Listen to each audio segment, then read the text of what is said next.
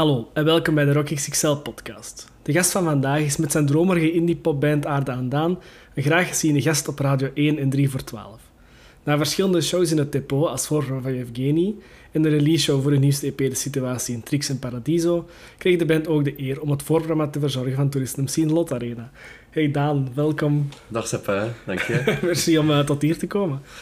Um, we zullen beginnen met... Um, wanneer dacht je van muziek is iets voor mij? Wat was zo het eerste moment dat je... Um, nou ja, dat is uh, moeilijk te pinpointen, denk ik. Om een mooi Nederlands woord te gebruiken. um, ik, uh, ja, ik moest een instrument spelen van mijn ouders. Ik weet nog uh, dat gesprek aan tafel. Dat, dat mij en mijn broertje verteld werd van... Ja, het hoort bij jullie opvoeding om een muziekinstrument te leren okay. spelen. En toen hebben we heel erg geprotesteerd. Maar dat had gelukkig geen zin. En... toen uh, ja, mochten we een instrument kiezen. Maar we mochten eigenlijk alleen kiezen uit piano en gitaar. Okay. En ik wilde drums of saxofoon. Maar ja, dat is natuurlijk allemaal heel luid en heel vervelend als iemand het niet goed kan. dus uh, moest ik eerst piano leren spelen. Nou, en dan ging ik op pianoles. En toen vond ik het nog helemaal niks voor mij. Um, en na vier jaar mocht ik dan wel wisselen naar saxofoon. Vond ik echt al wel leuker. En dan, um, ja, inmiddels was ik van 10, 11 jaar oud. En dan heb ik um, met, uh, nou, lichte zin saxofoon gespeeld. Maar ik repeteerde eigenlijk niet genoeg. En ik was nog niet echt uh, mm-hmm. bevlogen. En toen, rond mijn dertiende, uh, ja, dan waren er de eerste Nederlandstalige hip-hop CD's waar ik mee in aanraking kwam. Uh, dat was in de tijd uh, MC Brainpower. En dat MC Brainpower is een hele intelligente, beetje, beetje nerdachtige jongen. Okay. Die hele slimme, intelligente, virtuoze taalkundige teksten had. En uh, ja, dat vond ik wel heel cool. En toen ben ik zelf ook eerst raps gaan schrijven. En ja, dat, dat zie ik wel als het begin van dat ik echt zelf iets wou maken en dat, ik, dat er een wereld open ging. En heb je iets gedaan met die raps en zo? Um, ik heb heel veel opgenomen. Um, en volgens mij staat het ergens op een soort Soundcloud. Ik denk niet dat het al Soundcloud heette. En, uh, want ik, ik kan het nu zelf niet meer vinden. En ik ben heel erg bang dat iemand anders het ooit vindt. Want het was af en toe heel slecht. Want er was op een gegeven moment ook vooral een periode dat ik ook dacht dat ik kon zingen. Uh, maar dat kon ik nog niet.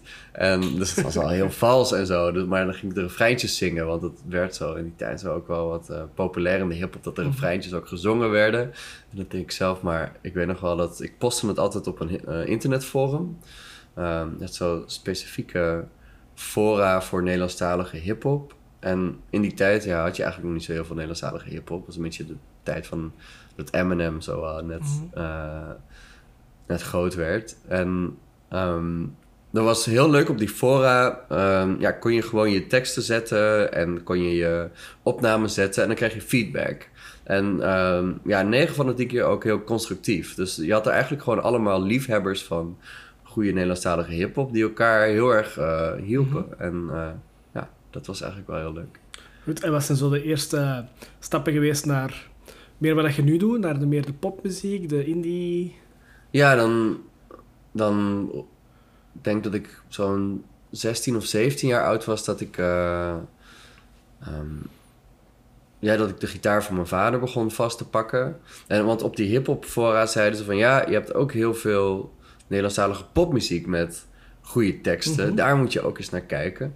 Als je, als je jezelf echt serieus neemt als rapper. Mm -hmm. um, en dan, uh, dan begon ik te luisteren naar Acta aan de Munnik. Dat is in, in Nederland uh, giga bekend. Okay. Een beetje vergelijkbaar denk ik met Jeff Ganey. Uh, ook verhalende, mooie, spitsvondige mm -hmm. teksten. met, met een band daarachter. En toen merkte ik van... Oh, die liedjes van Acta aan de Munnik ja, die kan ik eigenlijk wel al een beetje spelen. Of, of ja, ik krijg de akkoordjes er wel uit en dan kan ik er overheen zingen. En nou ja, dat vond ik fantastisch. En toen, vanaf dat moment ben ik echt elke dag muziek gaan spelen. Toen okay. merkte ik van, van oké, okay, ik kan dit gewoon op mezelf leren. En ik hoef niet naar de pianoles en ik hoef geen noten te le lezen en stukken te spelen die, ik, die me niet uh, aanstaan. Ik kan gewoon echt de liedjes die ik zelf hoor uh, op de radio die kan ik nu zelf, uh, ja, daar kan ik zelf een akoestische versie van spelen. En toen ik dat door had, ben ik echt elke dag uh, uren en uren gaan spelen. Goed, en dan, en dan ga je van liedjes luisteren, liedjes maken naar zelf optreden. Mhm. Wat is die een... eh, ja, het verhaal daar rond? Ehm, ja, dan.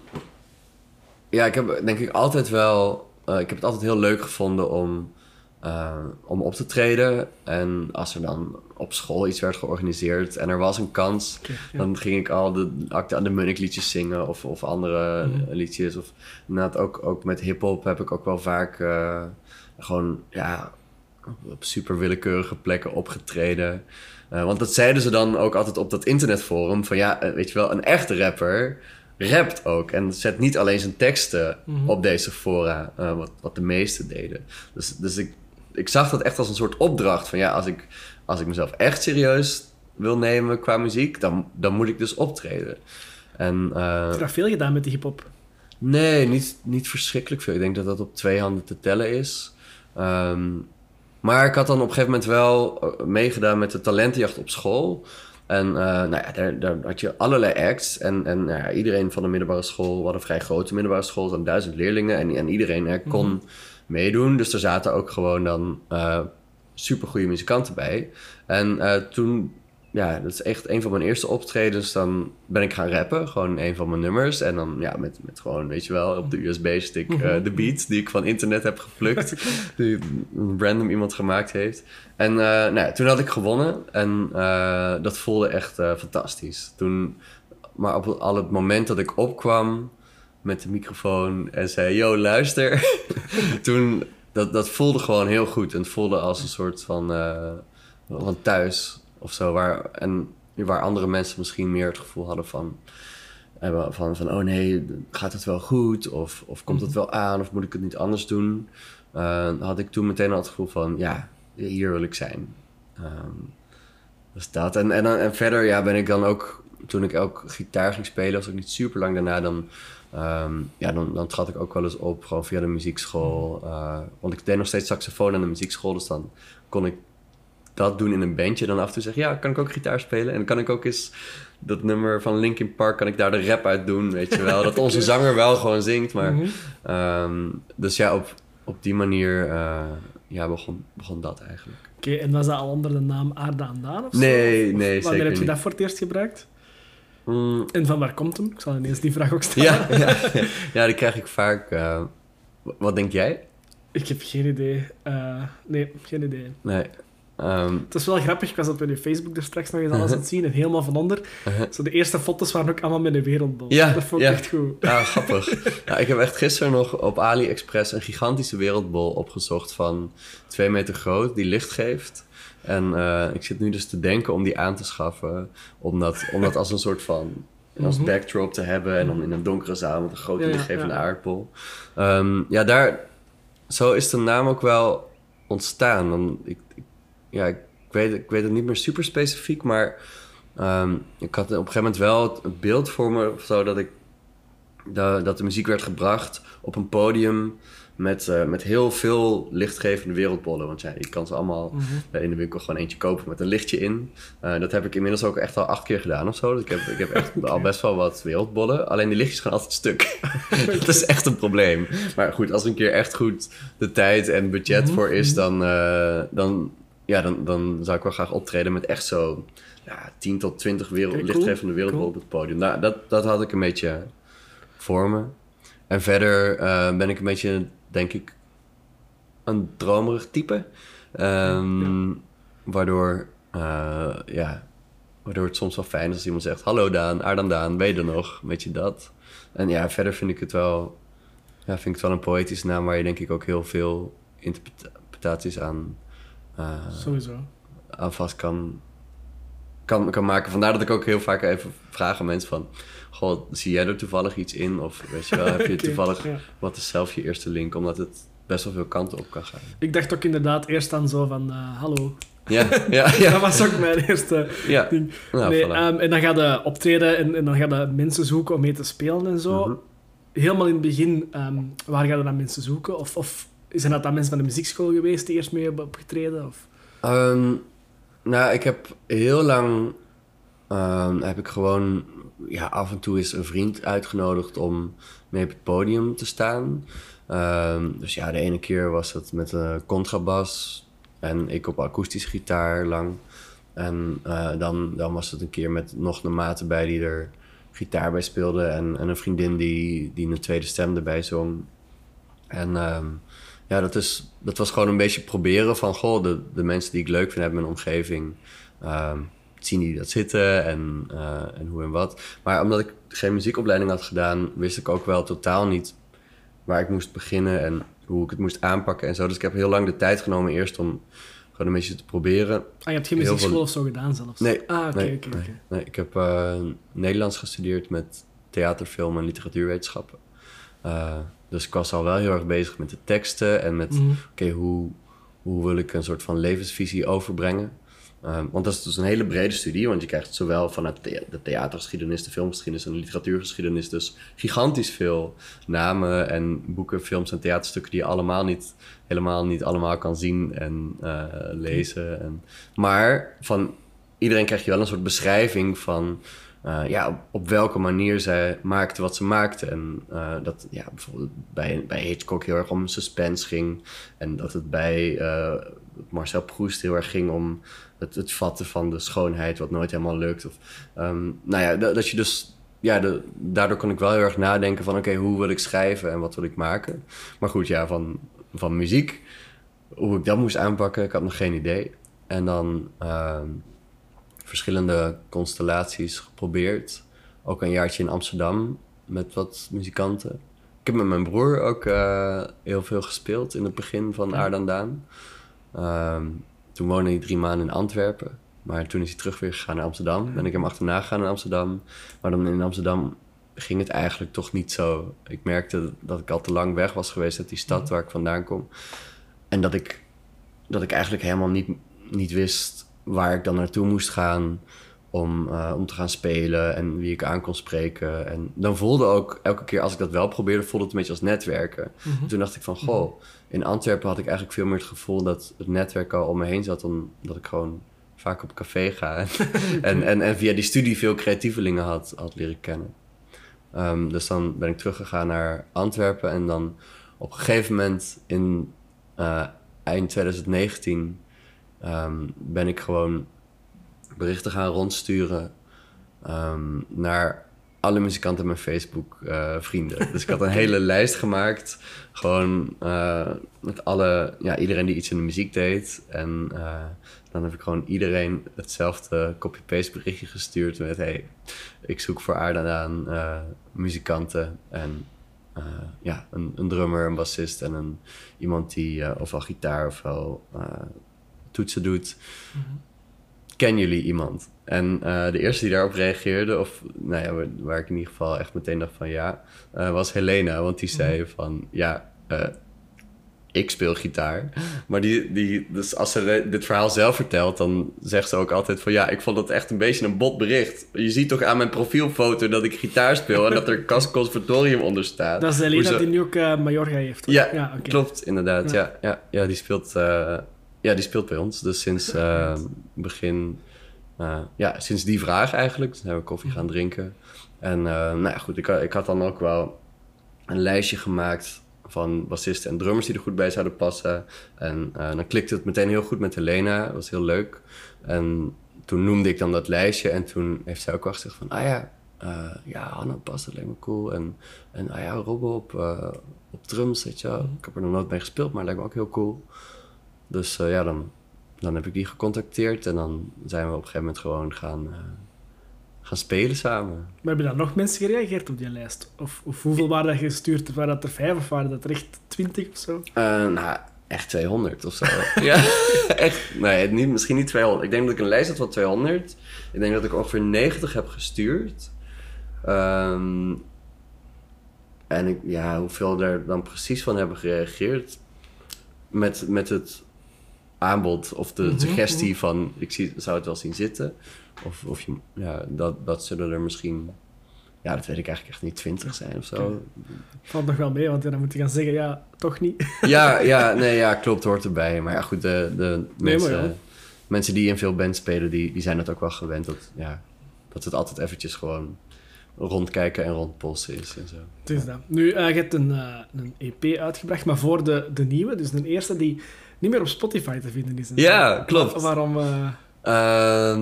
Uh, ik denk Projector is nog een nummer dat je nog wel vindt. Oh, ja. amai. Mhm. Maar dat, uh, dat zal het zijn dan, denk ik. Ja, nee, en dat is ook gelijk een van de redenen. Omdat uh, op de EP uh, stond het nummer Projector. maar dat was eigenlijk niet zo goed opgenomen. Sowieso die hele EP. ik wist eigenlijk niks van opnemen. Ik had nog maar net het mhm. programma Ableton geïnstalleerd. Mhm. En ik had het net een beetje, beetje uitgezocht hoe ik dat kon gebruiken zonder dat ik er hoofdpijn van kreeg. En, en toen ja, ik weet niet. Toen had ik eigenlijk met akoestische gitaar een nummer opgenomen en daar zo wat met Ableton wat effectjes aan toegevoegd. En uh, een piano waar ik veel galm op had gezet. En uh, dat, viel, dat, dat klopte ineens heel erg. En toen had ik het naar wat vrienden gestuurd en die zeiden van... Ja, wow, dat moet je doen. Maak hier iets van, weet je wel. En toen, toen ben ik uit dat enthousiasme gelijk een EP'tje gaan opnemen. Maar dat was echt, dat was op de zolderkamer van een theatertje in Antwerpen, waar ik dan een repetitieruimte had. En dat was zalig, dan zat ik daar gewoon elke dag van, van smiddags tot, uh, tot s'nachts. Uh, in mijn eentje zat ik daar op dat zoldertje uh, op te nemen. Ja, met, met een, een goedkope microfoon, en, want daar wist ik allemaal niks van. En met, met weinig Ableton skills. En, en ook gewoon, ja, hoe, hoe hoe neem je iets deftig op? Dat is gewoon een, een gigantisch vak om, uh, om te kunnen en je in te ontwikkelen.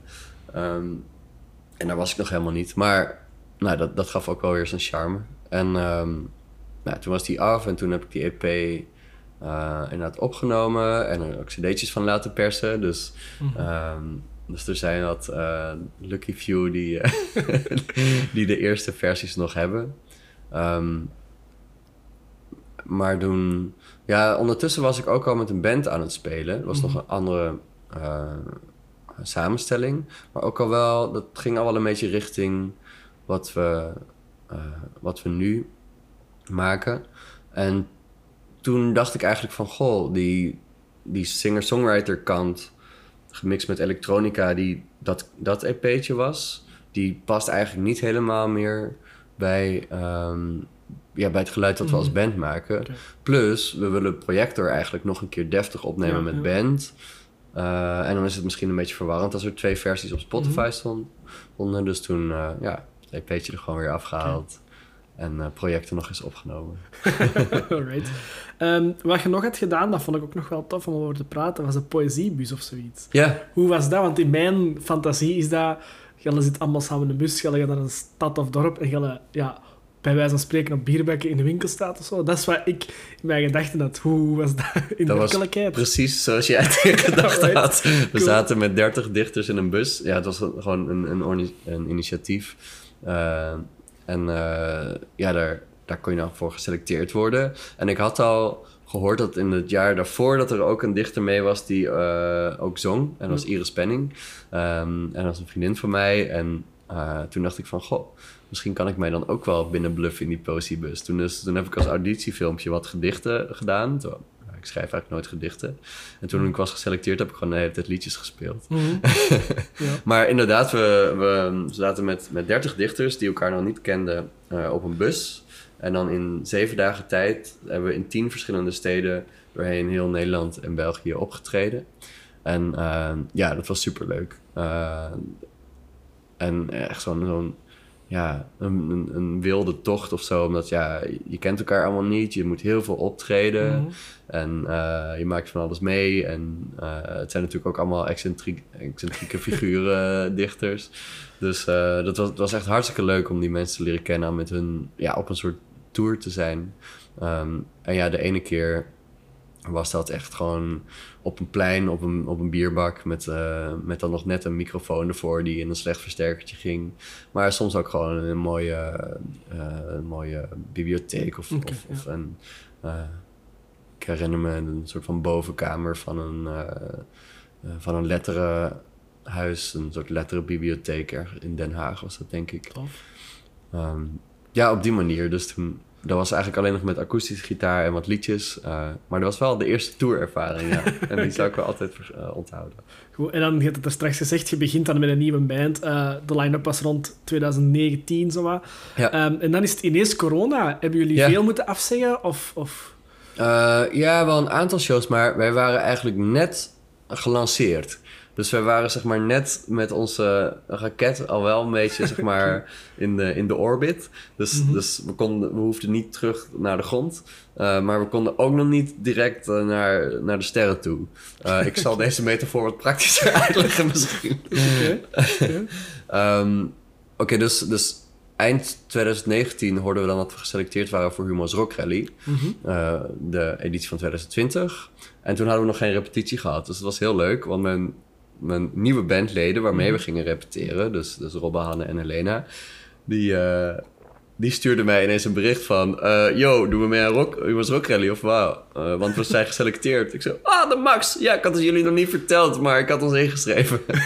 dus toen was onze eerste repetitie was meteen, begon al meteen met Kava, omdat we iets te vieren hadden. Dus dat was heel leuk en dan hadden we meteen een doel om naartoe te werken. Nou ja, en dan was die eerste voorronde was eind januari 2020. ja, dat was net, net nog, mocht het nog. Mocht nog net, inderdaad. Nou ja, en dan kwamen er ook al, daar met die selectie kwamen er dan ook wat optredens bij. En uh, we hadden er zin in. En we hadden na die selectie een, een goed juryrapport gehad, waardoor we ook zoiets hadden van, goh, ah, wat fijn, weet je wel, dit, dit kan echt iets worden. Um, en dan waren we door naar de halve finale. En die die halve finale zou zijn in het allereerste weekend van de lockdown ooit. Dus echt gewoon... Ik weet nog dat ik mijn vader op een gegeven moment heb gebeld van... Ja, pap, misschien moet je eigenlijk toch niet komen naar Antwerpen. Want ja, het is, weet je wel... ja, het is gewoon... Ik weet, we weten niet hoe gevaarlijk dit is. En uh, nou, je mhm. bent toch wat ouder en zo. En uh, nou ja, en, ja, een paar dagen later was het uh, ontzettend lockdown. Um, maar ja, we hadden ook nog niet zo heel veel optreden staan. We hadden gewoon vooral heel erg veel hoesting of zo eraan, om eraan te beginnen. En dan hadden we ook wel contact al met iemand van het label, van een label. Mm -hmm. Edwin Corver van Small Art, uh, waar we later mee zijn gaan werken. Um, nou ja, en dan die halve finale werd uitgesteld. Ondertussen waren we met het label aan het praten. Um, ja, wat, weet je wel, wat, je merkte op social media of zo dat er steeds meer aandacht was van... hey, wie is die Nederlandsta enige Nederlandstalige band die in de halve finale van Nummers Rock Rally staat... en met een wat nieuw geluid. En um, ja, er, het, het voelde niet alsof we heel erg uh, aan het stagneren waren. Mhm, mhm. Terwijl als we misschien als het een half jaar eerder was... Als, als we een half jaar langer hadden gehad en we waren wat meer in een piek gekomen of zo... dan was het veel meer baden geweest. Maar ja, we, hadden toen ook, we waren toen ook aan het praten met, uh, met boekingskantoor al, waar, we, waar ik graag mee zou samenwerken. En dat is uiteindelijk gelukt. Dus, dus in die tijd dat het lockdown was, konden we ons voorbereiden op die halve finale. Uh, en ja, voelden het alsof, alsof, alsof zeg maar, de lancering nog, mhm. nog bezig was en dat alles wel goed ging. Of zo. Ik, had, ik had niet het gevoel dat het uh, omlaag ging. Um, achteraf gezien denk wel van, oh, ja, natuurlijk als het allemaal niet was dichtgegaan, dan hadden we toen al veel meer uh, in de picture gestaan en, en uh, waarschijnlijk optredens kunnen spelen, omdat er natuurlijk toch altijd een soort effect is van, hey, wie is deze nieuwe band? Mm um, dus misschien is dat ook wel, is dat wel een beetje, ja, was dat gewoon veel meer geweest als die lockdown er niet was geweest. Wat hadden jullie voor? Er is nog veel gedaan uh, zo in het begin dat de, de nieuwe line-up er was? Um, of nee. was Humas Rockele zo het, het enige? Ja het, ja, het was gewoon inderdaad... We hebben gewoon een paar repetities kunnen mhm. hebben om... Uh, nou ja, om, om gewoon te zorgen dat we überhaupt drie nummers konden spelen... zoals het, mm het hoort uh, tijdens zo'n ronde. Uh, en dan ook wat andere nummers wel uitwerken. En dan, ja, we hadden ook wel al... Uh, een paar optreden staan waar, waarbij we dan een voorprogramma deden of waarbij we drie mhm. kwartier speelden. Dus dan uh, hadden we inderdaad wel ja, in die eerste maanden gewoon de tijd om, ja, zoals iedere band in het begin denk ik doet, namelijk de eerste nummers te gaan uitwerken. Mhm. En dat was gewoon heel leuk en, en er was meteen een hele leuke klik. En doordat we dat, ja, doordat we dat van Humo's Rock Rally mee hadden en dat contact met het label en met de boeker, ehm, ja, zijn we er met heel veel enthousiasme mhm. in in kunnen vliegen eigenlijk. En hoe was de halve finale? Oh, Seven. Verschrikkelijk. ik heb onlangs het filmpje nog teruggezien. Oh, oh, oh. Ja, dus normaal ging de, uh, ging de halve finale zijn in de grote zaal van de Trix. Grote droom voor mij. Heb ik vele geweldige artiesten gezien. Eh, deze week nog eh Typhoon, was fantastisch.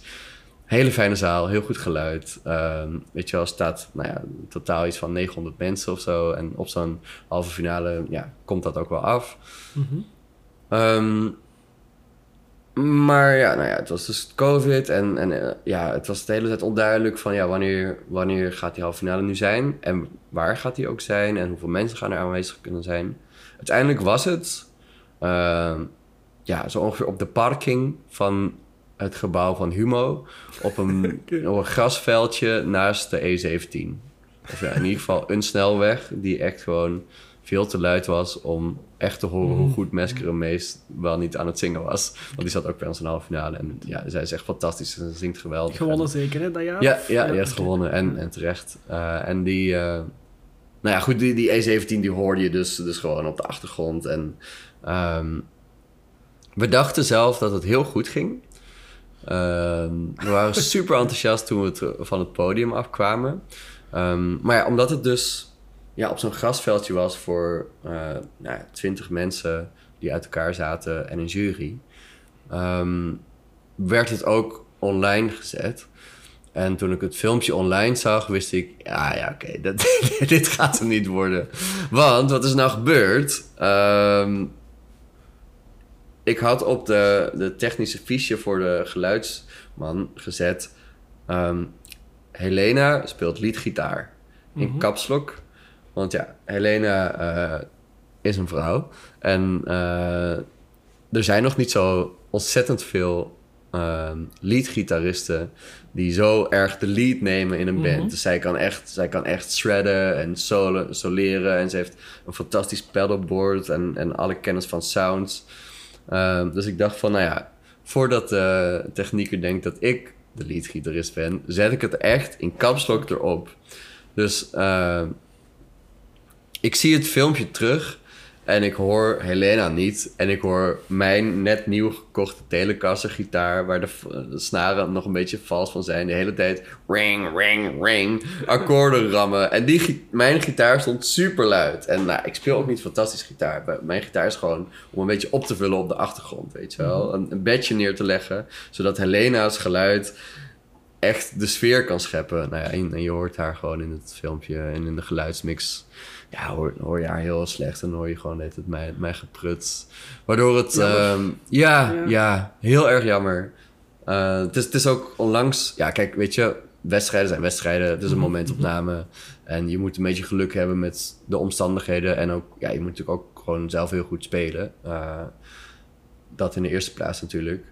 Maar, ehm, nou ja, toen ik het dus laatst nog terughoor, dacht ik van... Ah, jeetje, dit is echt helemaal geen representatie van hoe wij klinken. En ja, misschien hadden we het ook wel later moeten doen. Misschien hebben we het te vroeg gedaan, waardoor we... Ja, ik weet niet waardoor, waardoor de balans hem niet goed was. Maar ik, ik wil eigenlijk liever toch gewoon de schuld geven aan de geluidstechniek van, van Humo. Want ik had het er echt heel duidelijk opgezet. En, het, en dat filmpje klinkt echt nergens naar. Maar ja, langs de andere kant, je hebt dan nu ook wel die boekers en zo daardoor. Voilà. Dus Ja. Het is niet voor niks geweest. Nee, voilà. En met die halve finale plek, inderdaad, dan, dan kan je ook al... eh gaan er ook al deuren open. Dus Ja. nou ja, uiteindelijk zijn we natuurlijk Humo en Humo's ook heel erg dankbaar. Eh, ja. Ehm, ik zei het in de intro al, maar jullie hebben support gedaan voor Yevgeny in een depot. eh, een aantal keer zelfs, denk ik. Ja. Is dat ook een boekerdingetje geweest? Of... Ehm, ja, dat is wel een boekendingetje geweest, ja. Daar kan ik denk ik wel eerlijk over zijn. Ja, ze zitten ook bij Busker. Ehm, en ehm, ja, we waren toen eigenlijk al geboekt ook in die tijd dat we... Ja, toen net begonnen en de halve finale van Nummers Rock Rally gingen doen. Dus eigenlijk zou dat concert in april 2020 plaatsvinden. Daar is vier keer verzet geweest. Mhm. Dus eh, er zijn vijf data geweest voor dat concert. En uiteindelijk is het, heeft het plaatsgevonden op, eh, in maart 2022. Ehm, dus, dus het was wel grappig, want Jeff Gainey's tour heette 20 jaar Jeff Gainey. En toen ze, die, Ja. toen ze die tour deden, waren ze 22 jaar Jeff Gainey. Want kende jij hun al? Ehm, nou, ik kende Klaas, eh, inderdaad, de zanger. Ehm, Klaas de Rudy, die heeft een open mic in het depot. Mhm. Ehm, en die heeft het eh, eerste EP'tje waar we het net over hadden gehoord. Dus dat uh, cd'tje met de oude versie van Projector en alles wat ik inderdaad akoestisch met Ableton had opgenomen in mijn eentje. Ehm, en die had het online had hij dat, gehoord en toen heeft hij me gevraagd om op zijn open mic dan al een keer drie nummers te komen doen. Ehm, dus inderdaad, zo is de, de aanvankelijke uh, ja, connectie gekomen. En sindsdien is Klaas ook wel trots dat hij toen al... Dat hij toen, uh, toen onze ja, aard een beetje ontdekt mhm. had. En, uh, en we komen er heel goed mee overeen. Dus inderdaad, inmiddels hebben we in het depot twee keer een support gespeeld. En nog een keer in Herenthout. En nog een keertje in Leuven in het, in het M-museum. Oké, maar dat zijn wel leuke kansen, hè? Ja, zeker. Ja. En heel belangrijk ook als je begint om, ja, om, om inderdaad ook die mannen een beetje bezig te zien en er wat van op mhm. te kunnen steken. Goed, en dan hebben jullie zelf een nieuwe EP uitgebracht. En die werd in een Trix gereleased en in Paradiso in uh, Amsterdam, zeker, hè? Ja, ja en, uh, de kanttekening bij de Paradiso was dat het in Sinetol was. En Cinetol, maar het werd georganiseerd door Paradiso. Eh, maar op de poster staat natuurlijk gewoon een super groot Paradiso. Zoals het gaat. Dat heeft Paradiso er zelf zo opgezet. Dus, mhm. uh, Maar dat, daar heb ik niet tegen geprotesteerd natuurlijk. Um, dus, dus ja, we hebben in, in Cinetol, uh, dus een, een leuke zaal ook in Amsterdam, waar zo de, de opkomende bands inderdaad spelen. Hebben jullie zelf de zaal gekozen? ja, ja, ik had via Trix had ik al ook wat contacten. Ehm, ja, omdat ik in Antwerpen woon en, en de mensen van Trix zijn heel open. En inderdaad, als je, als je nieuwe projecten hebt, dan kan je daar altijd uh, met mensen praten. En dan, weet je wel, eh, dan kan je altijd zien of, van daaruit ook wat ondersteuning kan komen. En ik had via hun een repetitieruimte. Um, voilà, en uh, daarom uh, had ik natuurlijk aan hen gevraagd of we daar onze release konden mhm. Ja, het is natuurlijk ook gewoon een hele leuke plek waar, mhm. ehm, waar je en hele grote artiesten kan zien, maar waar ook gewoon constant jong, uh, jong talent rondloopt.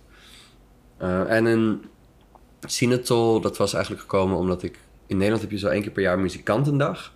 Uh, heel leuk om te volgen, want dan komen er gewoon de hele dag sprekers vanuit de industrie. En dit keer was het via corona en kon je een soort van afspraakje van 20 minuten met iemand uit de sector inboeken. Mhm, en toen dacht ik van, hey, met die van Paradiso, met Eva van Paradiso wil ik wel eens praten. Nou ja, en wij gingen ook al het voorprogramma doen van, uh, van Wies in Paradiso Noord. Um, dus vandaar dat er ook al een link was. En um, vandaar dat we in, ja, via Paradiso dan in, in Sinatol konden spelen in Amsterdam. Want jij komt natuurlijk van Nederland, jij ja. woont nu in België. En was dat belangrijk om, om een dubbele release show te doen? Allee, ik wil zeggen, één in België en één in Nederland. Ja, dat was wel heel erg fijn om te doen natuurlijk. Omdat inderdaad ook wel... Ik vergeet het soms, maar als ik naar de Spotify-statistieken mhm, kijk... Mhm. wat, wat uh, kan als, als artiest, dan heb je een soort van inzicht van... Nou ja, waar, waar komen je luisteraars vandaan dan is het heel vaak zo'n 60% België en 40% Nederland. Oké, toch nog, ja. Ja, en, maar wij spelen eigenlijk veel meer in België, omdat ja, we zijn zelf in België gebaseerd. We hebben in België ons label en ons boekingskantoor. Um, we worden in België ook meer gedraaid, uh, op de radio. Dus, um, dus we zijn veel meer gericht tot nu toe op België. Maar ja, ondertussen zijn er in Nederland dus ook heel veel luisteraars. En uh, ja, vind ik het natuurlijk hartstikke leuk om in Nederland te kunnen spelen. En uh, op de EP-release was ook, uh, ook wel wat familie en wat mhm, vrienden. Mhm. En sommige vrienden die ik zo lang niet had, had gezien. En dat was een mooie mix van ja, gewoon luisteraars uit uh, Amsterdam en omstreken. En ja, mensen die, die ik kende. Dus ja, dat was wel fijn om, het, om zowel in Nederland als, als in België te spelen. Oké, tof. Dus de EP klinkt heel goed. En er is veel werk in gestoken. Dat worden ook, ook, ook strijkers en zo zelfs. Ja. En waarom hebben we dan gekozen voor een EP en niet voor een langspeler? Um, ja, nee, ja, klopt. Ja, ja, we zitten er bijna zelfs tussenin. Want uh, de EP uh, eh, bestaat uit zes nummers. En uh, als je er zeven zet, dan, dan beschouwt Spotify het als een album. Ah, is het Blijkbaar, ja. Okay, dat is het verschil tussen, voor Spotify tussen EP en album, is, is zes, zeven. Um, ja, waarom? Ja, ik weet niet. We hadden op zich... We hadden, we hadden al twee singles uitgebracht. Dan ging er al een derde aankomen. Dus ja, dan voelde het eigenlijk ook gewoon logisch om er, om er ook... Dat de EP niet alleen maar de drie singles was die iedereen al Mhm. kende via Spotify, plus nog een nummer. Eh, maar dat er ook andere nummers bij kwamen. Ehm, waarom ik nog niet aan een langspeler heb gedacht, is omdat ik ooit eens van een drummer hoorde dat hij, ja, die was zo tijdens het, tijdens, een, tijdens het eten aan het vertellen dat hij eh, Sarah van eh, Portland, of Mhm, hij is mhm. onlang, recent, was dus, weggegaan bij Portland. Maar ehm, toen de tijd zat hij bij Portland en, eh, en die had blijkbaar is ergens tussen neus en lippen doorgezegd van... Goh, je moet eigenlijk alleen een debuutalbum maken... als je hem kan voorstellen in een volle AB. Eh, Nou ja, dat is natuurlijk makkelijk praten als je Portland bent... en je bent supergoed en je bent al super steady daar naartoe aan het bouwen... en dan heb je een mooie timing om dat te doen. Dus natuurlijk, ja, dat is helemaal niet haalbaar voor, eh, eh, voor alle bands. Maar ik vond er wel wat in zitten, inderdaad... dat als je een debuutalbum maakt... dat het wel fijn is als er als, dat je dat op het juiste moment doet. En ehm, voor, ja, voor mij is dat moment wel juist als er toch nog meer mensen al geïnteresseerd zijn in, in wat we doen. En ik denk dat we ook wel we zijn ook nog wel aan het zoeken een beetje naar een, eh, een nieuw geluid. Of, of ja, Mhm. een, een, eigenlijk aan één geluid dat dan heel kenmerkend aard aan Daan is. Want ik denk dat eh, via mijn, mijn teksten en mijn stemgeluid en mijn manier van liedjes schrijven die een soort mix zijn tussen iets heel catchy en poppy en ehm, een beetje de artistieke achtergrond die ik dan via die studie heb. Ehm, dus dus op, op die manier is er wel al een soort van kenmerkend aarde aan Daan ehm, DNA in de liedjes. Maar qua hoe het echt klinkt, gaat het in de EP nog veel kanten op inderdaad. Mm. Het, het ene nummer is heel stil en intiem en een beetje Phoebe Bridges achters, maar dan met strijkers en...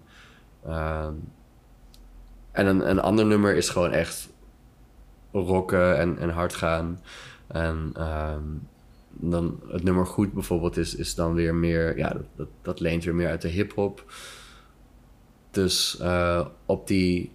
Ja, op de EP vind ik dat je nog wel... Dat je nog wel verschillende kanten op kan gaan. Maar voor een Mhm. debuutalbum zou het wel fijn zijn als we al iets meer echt weten Ja. van... Dit is nu precies eh, hetgene wat we willen maken. Alright. Ehm, het voorprogramma in een Trix was ook Wies. Ja. Ik, ik was ook op de, op de release en ik ben ook super fan. De plaat ligt nu ook Leuk. echt letterlijk daar. Ja, zalig. Ehm, van Wies? eh, ja, van Wies, ja, ja. Ja, jij bent er ook mee op tour geweest een aantal keren, met een band voor voor gespeeld en zo. Ja. En zijn ze nu ook wel goed bezig in Nederland? Ja, zeker. Van waar ken je hun? Ja. Of, of? Ehm, ja, eh, wel leuk. Gewoon eigenlijk via ehm, schrijfweekendjes die ik eh, af en toe doe met een paar songwriters uit Nederland. Eh, ik heb ooit eens op een schiereiland in Nederland de songwriter Vic Willems ontmoet. En sindsdien zijn we vrienden geworden. En hij, eh, ja, hij schrijft hele mooie Nederlandstalige liedjes. Dat is ook voor de liefhebbers van het genre absoluut eh, een aanrader, Vic Willems. En hij, ehm, ja, hij heeft me op een gegeven moment een bericht gestuurd van... hey, eh, Daan, ik ga bij mij thuis een heel weekend lang liedjes schrijven... met nog vijf andere songwriters. Maar er heeft iemand afgezet, wil jij, wil jij ook komen? Dus Mhm. ik zo, ja, super graag. En ja, dat was hartstikke leuk. En Sjanne, de zangeres van Wies, was er ook. En die was toen al... eh, ja, dat was nog voor, voor Wies iets had uitgebracht. En toen had zij al een paar liedjes klaar waarvan iedereen zei van... wow, dit is gewoon een hit. Weet je wel, dit is echt... Dit kan overal op de radio. En eh, nou ja, een tijdje later eh, was het in Nederland ook zo. Ehm, en zijn ze door 3FM op, opgepikt. En, en hebben ze allemaal grote festivals gespeeld. En inderdaad ook een, een eigen tour. ehm, waarbij ik de sport mocht spelen. Ehm, maar ondertussen, ja, al, al voor die tour heb ik dus meerdere weekenden ehm, doorgebracht met, eh, met onder andere Vic Willems en Iris Penning, die ik eerder noemde, en Vic, Vic Willems, eh, Danny O'Kane en Ludovic, eh, Felix Pilmano. Ja, dat is een beetje het groepje. Ehm, en dan op de release zeg ook, volgende week mogen wij in de Lotto Arena spelen. Voor het programma Tourist Lucie. Ja, Dat is ook wel een soort aankondiging. toch? ja, ja, dat was echt een superleuk moment inderdaad. Eh, ja, oké, dus we hadden, we hadden op die dag, de dag zelf, van dat we de EP-release in Trix deden, hadden we de officiële bevestiging gekregen van oké, twee weken later... Ja, twee weken. Ja, ja, precies. Ja. Twee weken later staan we ehm, samen in het voorprogramma van Tourist MC in de Lotto Arena. nou ja, en de, de fucking Lotto Arena, weet je wel. Eh, ja, ik had gewoon toen ik begon met Nederlandstalige muziek nooit gedacht of zo dat het ooit in een, in een arena gespeeld zou worden. En ehm, en ik, ik heb dan ook vaak het idee dat mensen die uiteindelijk in zo'n Lotte Arena terechtkomen, daar zo langzaam naartoe groeien. En het Mhm. publiek gaat van 30 naar 100, naar 200, naar 300, naar 500, naar 1000, naar 2000, Mhm. naar 3000 mensen, naar een festival met een paar duizend mensen. En dan de Lotte Arena. Maar bij ons was het zo van: oké, nu EP-release voor 150 mensen. En dan de Lotto Arena. dus dat was, eh, nou ja, dat, dat was gewoon een hele eh, toffe, eh, intense eh, droom of zo die Mhm. ineens, ineens uitkwam. En we hadden inderdaad die bevestiging gehad die middag van de EP-release. Dus toen zeiden we van, ja, ons laatste nummer dat heet Verrassing. Daan, misschien moet jij voor Verrassing Mhm. eh, nog eventjes roepen dat we, dat, je, dat we in de Lotto Arena gaan spelen. Dus, dus inderdaad, toen, toen, hè, toen, toen was het concert bijna helemaal klaar. En dan zei ik, nou, hartstikke bedankt allemaal. Als jullie nog een keer willen komen kijken... Nou, kan over twee weken in de Lotto Arena bijvoorbeeld. en toen moest iedereen lachen. En toen zei ik, dit is geen grapje. We staan echt in de Lotto Arena. 1, 2, 3, 4. Doe, doe, doe, doe, doe. En, en dan begon het eh, laatste nummer. Dus dat was een heel leuk moment inderdaad. En hoe was de Lotto Arena zelf? Ja, fantastisch. ik vond het echt, ik vond het echt kicken gewoon. Want alleen, zoals ik zei, toen ik, eh, toen ik opkwam op de middelbare school en voor het eerst mijn, mijn rap deed voor al mijn vrienden en voor de school, toen voelde ik zo van, ja, dit, hier leef ik van op. Of hier krijg ik adrenaline van, hier krijg ik zelfvertrouwen van. eh, dit doe ik graag, mijn bloed begint te stromen, ik krijg een glimlach en ehm, ik wil, ik wil muziek maken voor de mensen en ik wil de energie van zo'n zaal voelen. En, ehm, en zo voelde, voelde de Lotto Arena eigenlijk ook van gelukkig, want het is natuurlijk zo'n hele spannende show ook. We waren er als band ook allemaal wel wat zenuwachtig over. Ehm, want ja, dan hadden we ineens van ja, maar ja, weet je wel, straks hebben, heeft iedereen door dat we daar nog, nog niet klaar voor zijn of zo. En je hebt in die twee weken ook helemaal niet de tijd om dan zo daar nog helemaal klaar voor te worden of zo. Dus je gaat gewoon spelen wat je al, al speelt en wat al kan. Maar gelukkig was het echt, echt een hele leuke ervaring. En vanaf het moment dat ik het podium opkwam en dan, ja, dan zie je zo voor je zo, hè, een, een zee van mensen. En dan, dan focus je op je eerste noten die, die, die je in distortion op je gitaar speelt. En dan op je eerste noten die je zingt. En, en dan zit je er lekker in. En dan kijk je naar het balkon. En daar zitten ook tering veel mensen. Weet je wel? En ja, en dat, die zitten dan ook echt, nou ja, wat is dat? Weet je wel, 40 meter verder Mhm. of zo. Eh, en daar zie je dan nog zo'n zo'n mensenmassa. En ja, het, ik vond het fantastisch. Ik, dat is echt een van de beste ervaringen uit mijn leven. Voilà, en, en het ging ook goed, weet je wel. Want ja, je kan natuurlijk ook hebben bij zo'n show dat het allemaal wat overweldigend is. Of dat er een kabel het niet doet. Of dat er gedoe is of zo. Omdat, ook omdat je het nog niet gewend bent om in zo'n zalen te spelen. Maar ehm, nou ja, gelukkig, alles ging goed. Dus ik, ja, ik kijk er echt met heel veel geluk op terug. Goed, de eerste keer dat ik jullie had gezien was eh, in een café hier in de Wechelderzande, omdat Ah, ja. er een, eh, de show was afgelast of ik weet niet net wat er was gebeurd, dat de zaal geen vergunning had of... of allez, midden. ja. Eh, en dan hebben jullie nog in een café gespeeld, echt gewoon random. En was ik komen kijken en zo, en dat is allemaal veel intiemer, heb je ook vooral alleen gespeeld. Ja. En dat is ook op zich wel tof, Mhm. maar ik weet, in de set zitten er ook zo wel wat nummers. Ja. Hoe werken die dan in de Lotto Arena? Ja, eh, moeilijk. Vooral ook als het publiek natuurlijk niet komt eh, om stille nummers van een onbekende band te luisteren. Die mensen komen natuurlijk om. Tristan MC te horen en de nummers die ze kennen, weet je wel. eh, dus je moet ze nog voor, voor je winnen. Ehm, dus we hebben ook, we hebben ook gekozen om, om eigenlijk gewoon onze knallers te spelen. Eh, omdat ze gewoon, ja, dat, voelde gewoon het beste. Achteraf heb ik toen gedacht, heb ik nog wel gedacht van nou, eigenlijk de nummers van Tourist zelf zijn ook, dat is ook niet, Ja, nee. niet, Mhm. niet power, knallen, energie, maar het zijn meer ook rustige nummers met wat bezinning in en schone teksten en wel ruimte om rustig te luisteren en op, het op je in te laten werken. Ehm, maar we, ja, we hebben, we hebben één, één heel rustig nummer gedaan die dan wel aan het einde een grote Mhm. climax eh, heeft, champagne op de grond. En dan, dan normaal, ja, dan dan ga ik altijd proberen om het hele publiek mee te laten zingen. Nou ja, dat is nogal een strijd in de Lotto Arena. voor 8000 mensen die nog aan het bespreken zijn hoe een weekend was en of ze nou wijn of bier gaan halen. Ehm, maar uh, volgens vrienden in het publiek is er toch wel uh, zeker dan zeker ook meegezongen. Ik kon het zelf niet goed horen omdat ik van die in-ears in had. Ja. Uh, maar um, ja, dus, dus ik weet niet, als we ooit, als het ooit de droom ook nog mag uitkomen dat we, dat we een hoofdprogramma in zo'n zaal gaan spelen, dan pas kan ik je vertellen hoe dat soort stille nummers echt werken in zo'n arena. Um, toerist zelf, heb je die gehoord of gezien nog? Of heeft hij reactie gegeven op jullie show? Of? Um, ik heb hem heel eventjes gesproken uh, in het begin. Maar ja, het is ook een, een hele grote productie. Hij heeft een hele grote band. Het is ja, natuurlijk ook een belangrijke show mm. voor hem. Het was natuurlijk ook een tijd geleden, wegens, wegens COVID, dat zijn eerdere Lotto Arena shows uh, waren geweest. Dus uh, ik heb hem kort vooraf gesproken en uh, achteraf eigenlijk niet meer. Maar ik denk ook heel vaak zijn, als, als we support spelen, dan, dan hoor ik heel vaak van de, de artiesten die dan hoofdprogramma spelen, dan achteraf van. Oh, was het leuk? Oh, ik, ben, ik heb eigenlijk helemaal niet kunnen komen kijken. Want ik was me nog helemaal... weet je wel, ik moest me heb nog strijken. En ik... Uh, logisch ook wel, hè? Ja, precies. Inderdaad. Dus, dus meestal um, is mijn ervaring dat, dat vaak de hoofdact gewoon nog te gefocust bezig is. Uh, zijn eigen act. dus, uh. En is daar nog een reactie uitgekomen uit de Lotto Arena of kansen die je nog hebt gehad? Want het is wel rondgegaan. Het ding was, ik had uh, ja, een vriendin die ik al heel lang niet meer gezien heb, -huh. die gewoon volg op Instagram, uh -huh. had zo'n foto van de Lotto Arena van, oh, goede voorprogramma.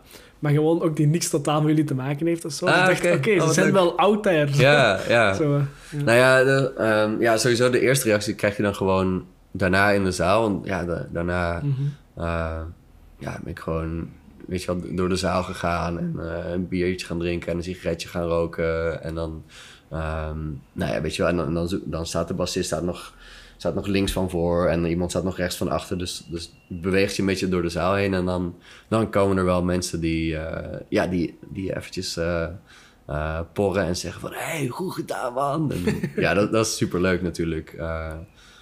en verder, um, ja, ik weet niet of daar, daar echt nog, zeg maar, verder, verder. Dat het echt.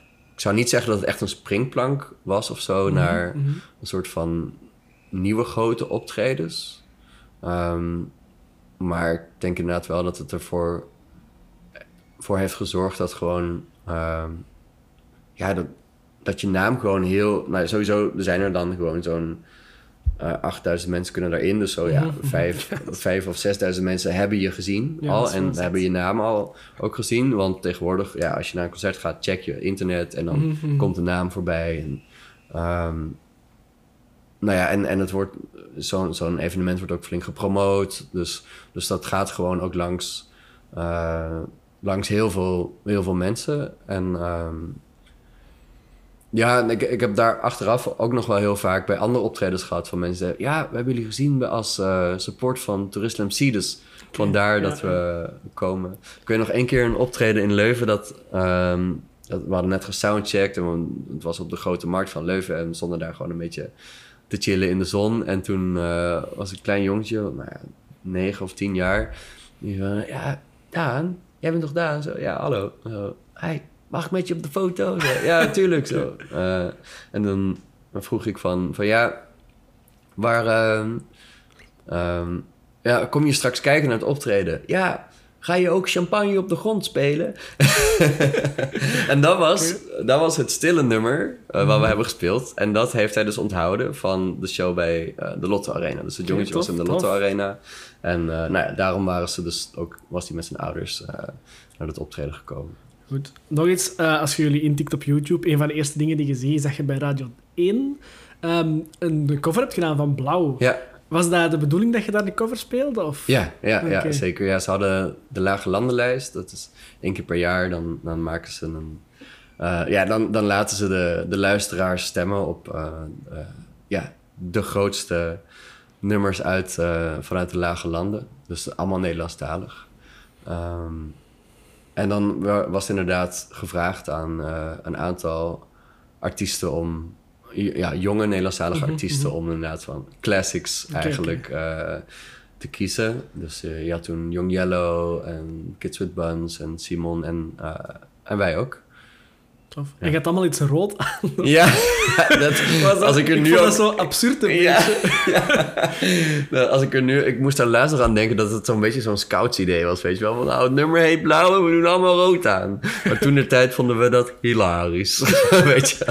En Ik had hem op door, dus... eh, Ja, zalig. En nog een radio eh, waar dat je op gespeeld hebt, is 3 voor 12. Ja. Wel een heel toffe live set ook. Ja, Want je. je ziet dat ook wel veel voorbij komen in de 3 voor 12 live set. Die Ja. had je dat ook gedaan. Was dat ook op aanvraag of hoe bent je daar terechtgekomen? Ehm, ja, ik denk dan via het label. Dus, dus omdat, eh, omdat de EP ging uitkomen, had het label... eh, ja, die, die kennen dan ook iemand in, in Nederland... die dan weer goed bevriend is met eh, de mensen uit de radio's... en de mensen uit de media. En die, die gaat het dan pluggen. Dus die, ehm, ja, die, die gaat gewoon mails uitsturen... en Mhm. mensen bellen van... goh, er is een nieuwe EP uit van een nieuwe band... en, en ze staan in de Lotto Arena. en weet je wel... eh, eh, ja, kunnen ze komen spelen. En denk, denk op die manier. Ik had daarvoor ook al eens, toen onze single onderuit uitkwam, toen was ik ook al eens gevraagd om bij een ander programma, Parels van de Nacht, bij 3FM te spelen. Mhm. Dus eh, ik denk dat op die manier eh, de link was gekomen. Misschien ook wel omdat ik toen al een paar shows had gedaan van, als voorprogramma van Wies. Eh, dat helpt natuurlijk ook, want zij, zij zijn ontzettend fan van Wies. Mhm. Dus eh, ja, voilà.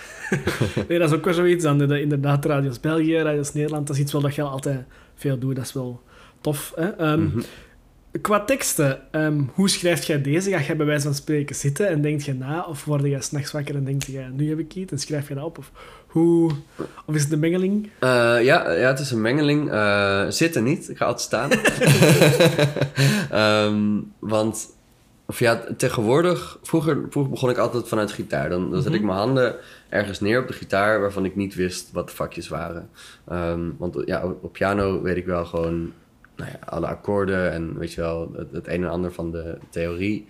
Ehm, en weet ik welke toets allemaal wat is. Maar Mhm. bij de gitaar moet ik altijd zo even nadenken. Oké, ja, eh, dertiende fret op de G-snaar, dat is dan een eh, geen kruis, weet je wel. Dan, nou, nu ging het nog snel, maar nou ja, dus dat deed ik zo altijd om dan zo steeds nieuwe, ja, vanuit een nieuw, nieuw startpunt, een nieuw geluid te zoeken en een nieuw akkoord en een soort van iets, iets wat niet de standaard was.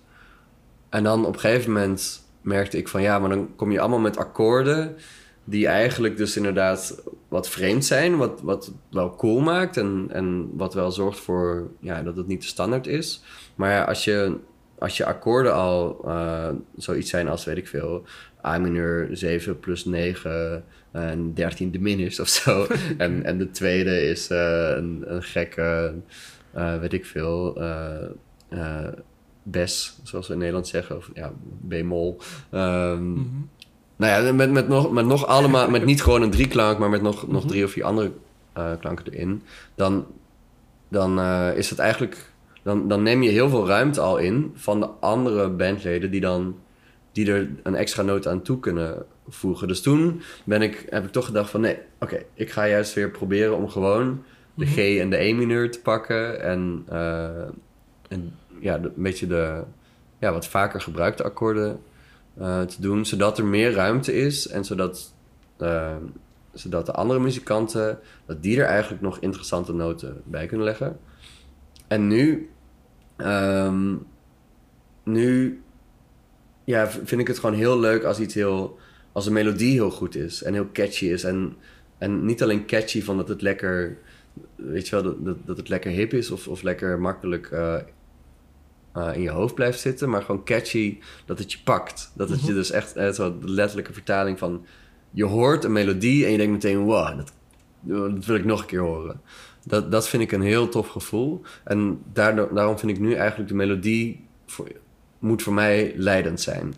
Ehm, en wat ik op een gegeven moment merkte is van ja, als je dan als je gitaar aan het spelen bent ehm, en je begint, je slaat een akkoord aan en je begint je melodie erover te zingen, dan is je tweede stap heel vaak om een akkoord te zoeken wat erbij past.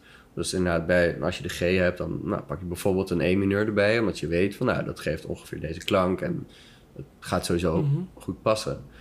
Maar dan, dan eh, moet je melodie dus volgen wat je, wat je doet met je handen. En ehm, ja, op een gegeven moment dacht ik van ja, ah, het zou toch eigenlijk tof zijn als de melodie gewoon precies volgt eh, wat je bedenkt. En, en niet Mhm. en niet gewoon ergens inpast. En dat is voor mij nu echt een soort van eye-opener, waardoor ik eigenlijk niet meer schrijf met gitaar of piano.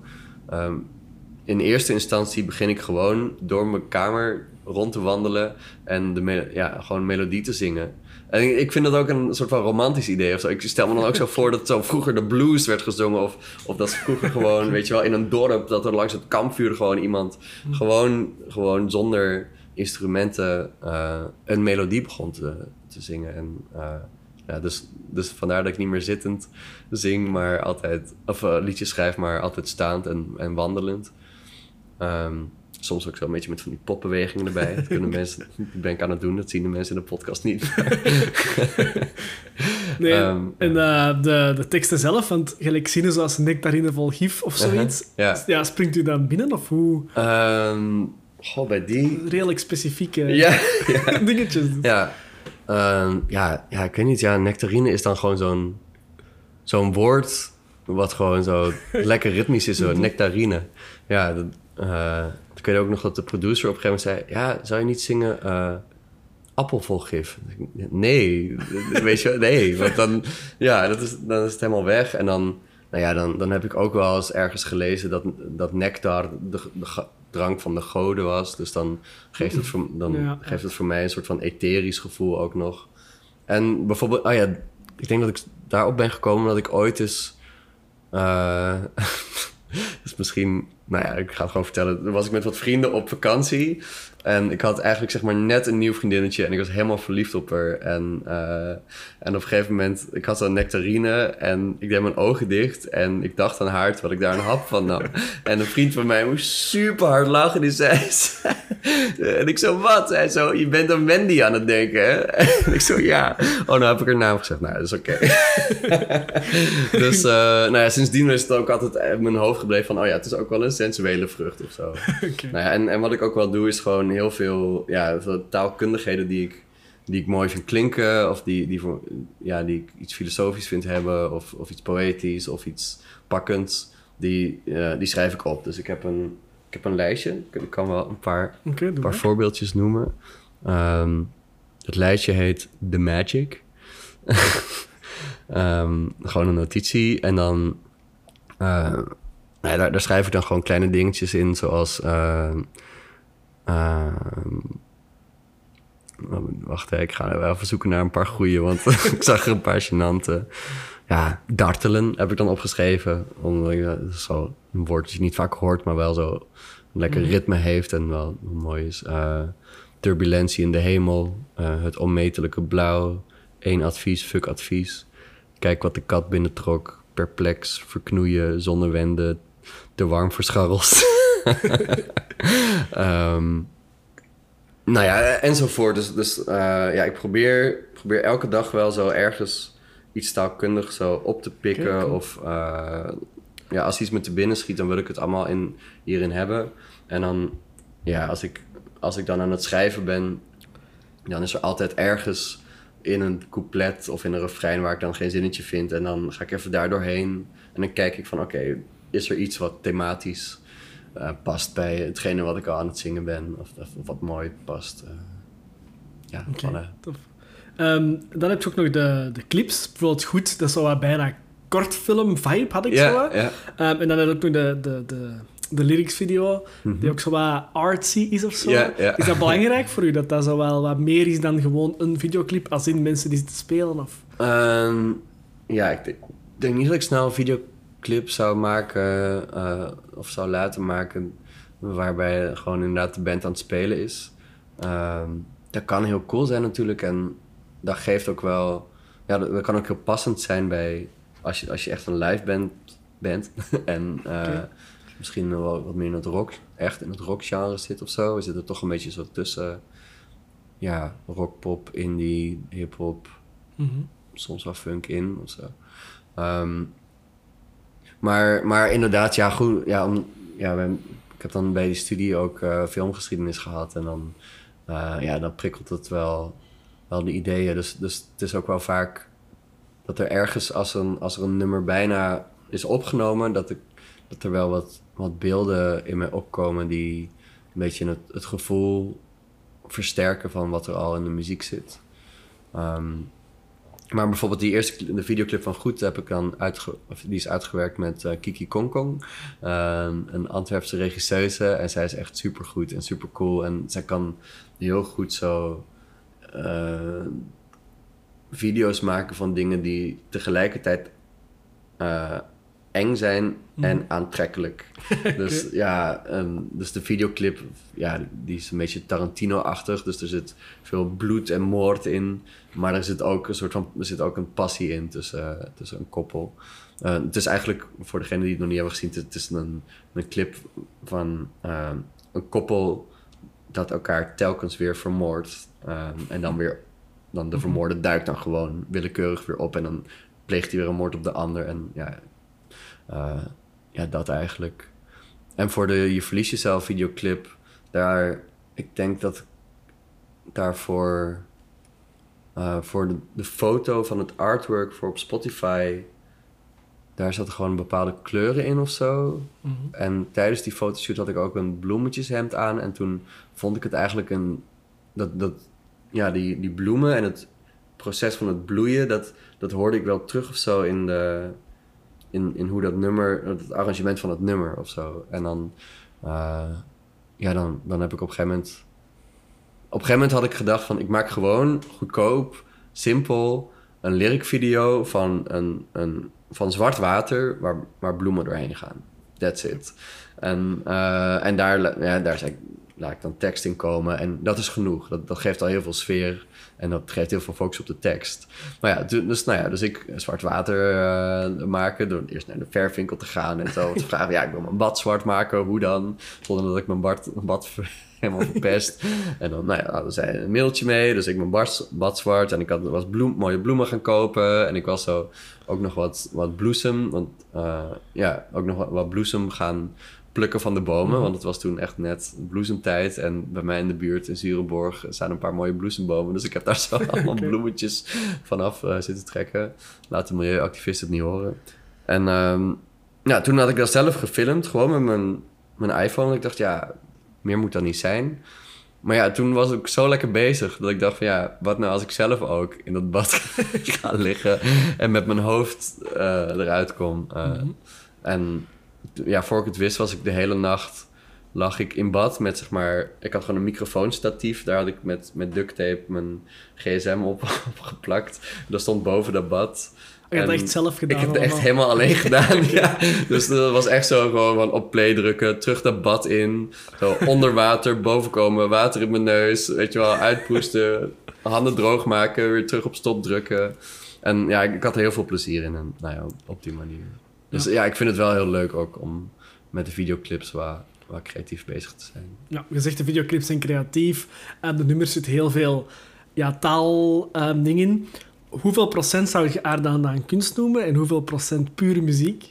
Oh, wow. Uh, ja, wat is pure kunst even? um, nou, het is wel... Ik zie het wel in eerste instantie echt als muziek. Uh, maar ja, muziek is gewoon een, een kunstvorm.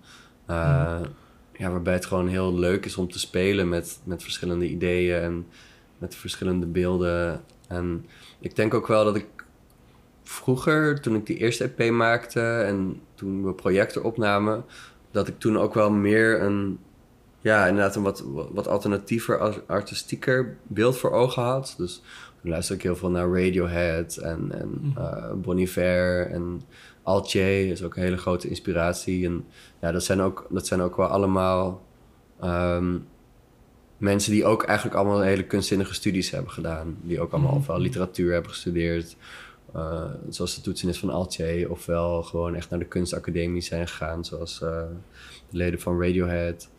Um, dus dat, maar, maar dan op een gegeven moment gaandeweg dat we bezig waren, merkte ik dat, dat zowel ik als de rest van de band ook wel heel enthousiast werd van gewoon hele goede, catchy popmuziek. Gewoon zo, weet je wel, gewoon echt goed nummer van Michael Jackson. Maar zelfs ook van Rihanna of zo, weet je, als dat goed geproduceerd is.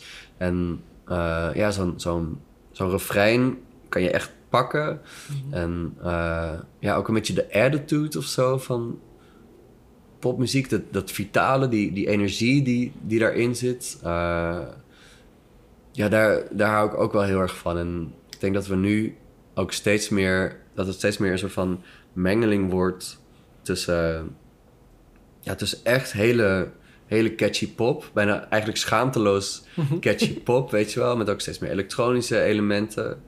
Ehm, en, en inderdaad nog wel zo ook de insteek dat er altijd ook wel, wel rare dingen in zitten. Of zo, wel, wel oorspronkelijke ideeën of, of eh, aparte keuzes en, en teksten die misschien niet, eh, niet altijd vanaf het begin af aan super één op één zijn en super duidelijk zijn. ehm, maar die, ja, die ook van je als luisteraar wel vragen om, om misschien nog een keer extra te luisteren en, en wat na te denken van, goh, wat, wat zou er nog in kunnen zitten? Mijn ideaal is eigenlijk, ik, ik denk dat je, dat je muziek op twee manieren kan luisteren, of, of in ieder geval de teksten toch. De eerste manier eh, dan ja, dat, dat je echt gaat interpreteren van, van goh, als, als Spinvis zingt, eh, je droomt wel vaker van een feest, maar hier ben je nog nooit geweest.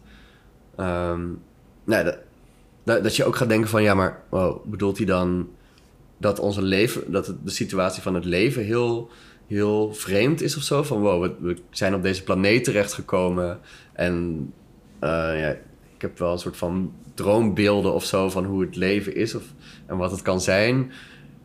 Eh, maar ik weet niet helemaal hoe het zit of zo.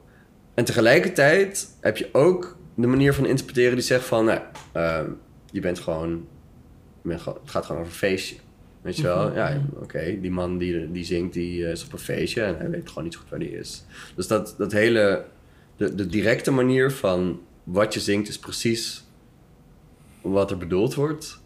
Ehm, en de manier van nee, je moet het zien als een soort metafoor en een soort, je kan er poëtisch nog allemaal invulling aan geven. Die twee vind ik heel cool. En je hebt een, eh, een documentaire over eh, de vreemde kostgangers. Dat is met eh, Henry Vrienden van eh Doe Maar. Ja, ja. En ehm Boudewijn de Groot. En ehm, die hebben op een gegeven moment een discussie. En dat gaat ook toevallig over nou, een, een liedje waarbij iemand zingt dat hij op een feest is. En hun discussie is dat, dat Henny Vrienden zegt van...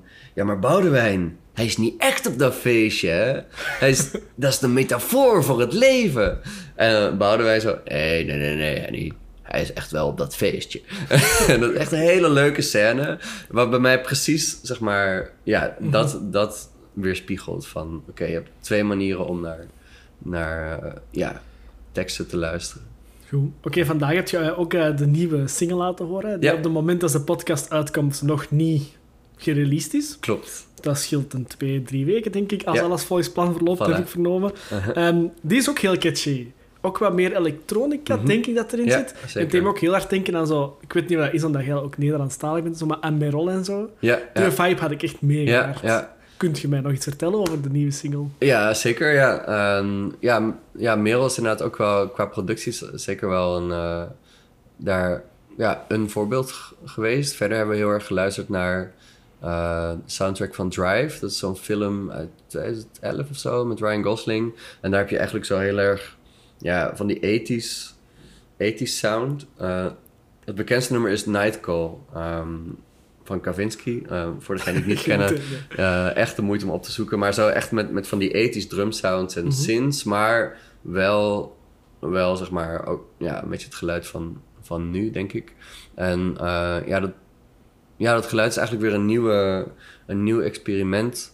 Ehm, eh, we hebben dat vorige week opgenomen eh, eh, met Roman Smeets, een producer. En hij komt eigenlijk vanuit, een beetje vanuit de house en de dance. Maar hij heeft ook weer geproduceerd voor, Fleming en Gers Pardoel. Wat, Mhm, de, mhm, mhm. Ja, gewoon commerciëlere Nederlandse artiesten... die echt gaan voor de super catchy pop. En eh, ja, het was echt een hele fijne samenwerking. En eh, ja, juist omdat hij echt zo van die... Ja, hij is gewoon een soort van tovenaar met Ableton, weet je wel. Hij, hij kan echt gewoon super vette sounds maken... die, die het heel catchy maken, die het heel erg eh, in your face maken qua geluid. En, ehm, en, dan, en, en dan de mix wel ook van onze ideeën van de band, van, ja, waar, waar dan misschien net iets in zit wat je als je iets commercieel maakt juist er niet in zou steken. En nou, dat, ik, dat vind, ik ben heel enthousiast over, over deze nieuwe weg en, en eh, over die samensmelting van, van die twee werelden. En eh, het komt denk ik ook wel. Ja, het komt gewoon een beetje voort uit dat, dat idee van: goh, iedereen van de band houdt echt van goede, eh, pakkende popmuziek, maar Mhm. ook van het, het artistiekere. En oké, hoe gaan we daar een soort van geluid bij vinden? En we hebben ook wel, in Nederland heb je daar ook al wel eh, ja, verschillende voorbeelden van. Dus Vrouwtje en S10, eh, die gebruiken ook heel veel elektronica. En die zijn ook niet bang om een refrein catchy te maken. Maar er zit ook wel altijd een artistieke stempel op. Dat zijn ook wel dingen die nu wel bekend zijn, hè? Ja. Merel. Ja. Wat denkt u dat daar de reden van is dat dat ineens zo populair is? Want Ehm, dat is toch een tijd niet echt geweest? zeker, Nu is het zo- ja. Ook in België heel veel Nederlandse Ja. dingen. Ja, nou ja, in Nederland heb je echt een gigantische golf van Nederlandstalige muziek. Als je kijkt naar de, de afgelopen 3FM Awards, dat was denk ik een maand geleden of zo, waar gewoon iets van zeven van de acht awards was voor Nederlandstalige indie-artiesten. Mhm. En ook, of de Edisons waren een week daarvoor en dat was ook zo, ja, gewoon 90% van de prijzen ging inderdaad naar ja, Nederlandstalige indie-artiesten. Omdat, ja, het is, het is zo lang niet, niet cool geweest om in het Nederlands te zingen. Ehm, en ik denk nog steeds wel dat er veel muziekliefhebbers zijn van... ja, god, dat, dat voelt toch al snel een beetje cringy of zo. Mhm. Of vooral ook als er zinnen in zitten die ik, die ik lelijk vind. En, ehm, ja, dat, ja, er is nu in Nederland is er echt een gigantische golf aan eh, ja, Nederlandstalige muziek. En, en daar, ja, dat, hoe dat dan precies gaat. Wat ik wel eens heb gehoord is dat, eh, dat je in Nederland dus een gigantische Nederlandstalige hip-hop scene Mhm. hebt. En dat begon dus al een beetje met die Brainpower, hè, waar, waar ik dan Mhm. vroeger naar luisterde. En Extins en Osdor Possie. Ja. En dat is, heeft zich dan underground, is dat ook heel groot geworden.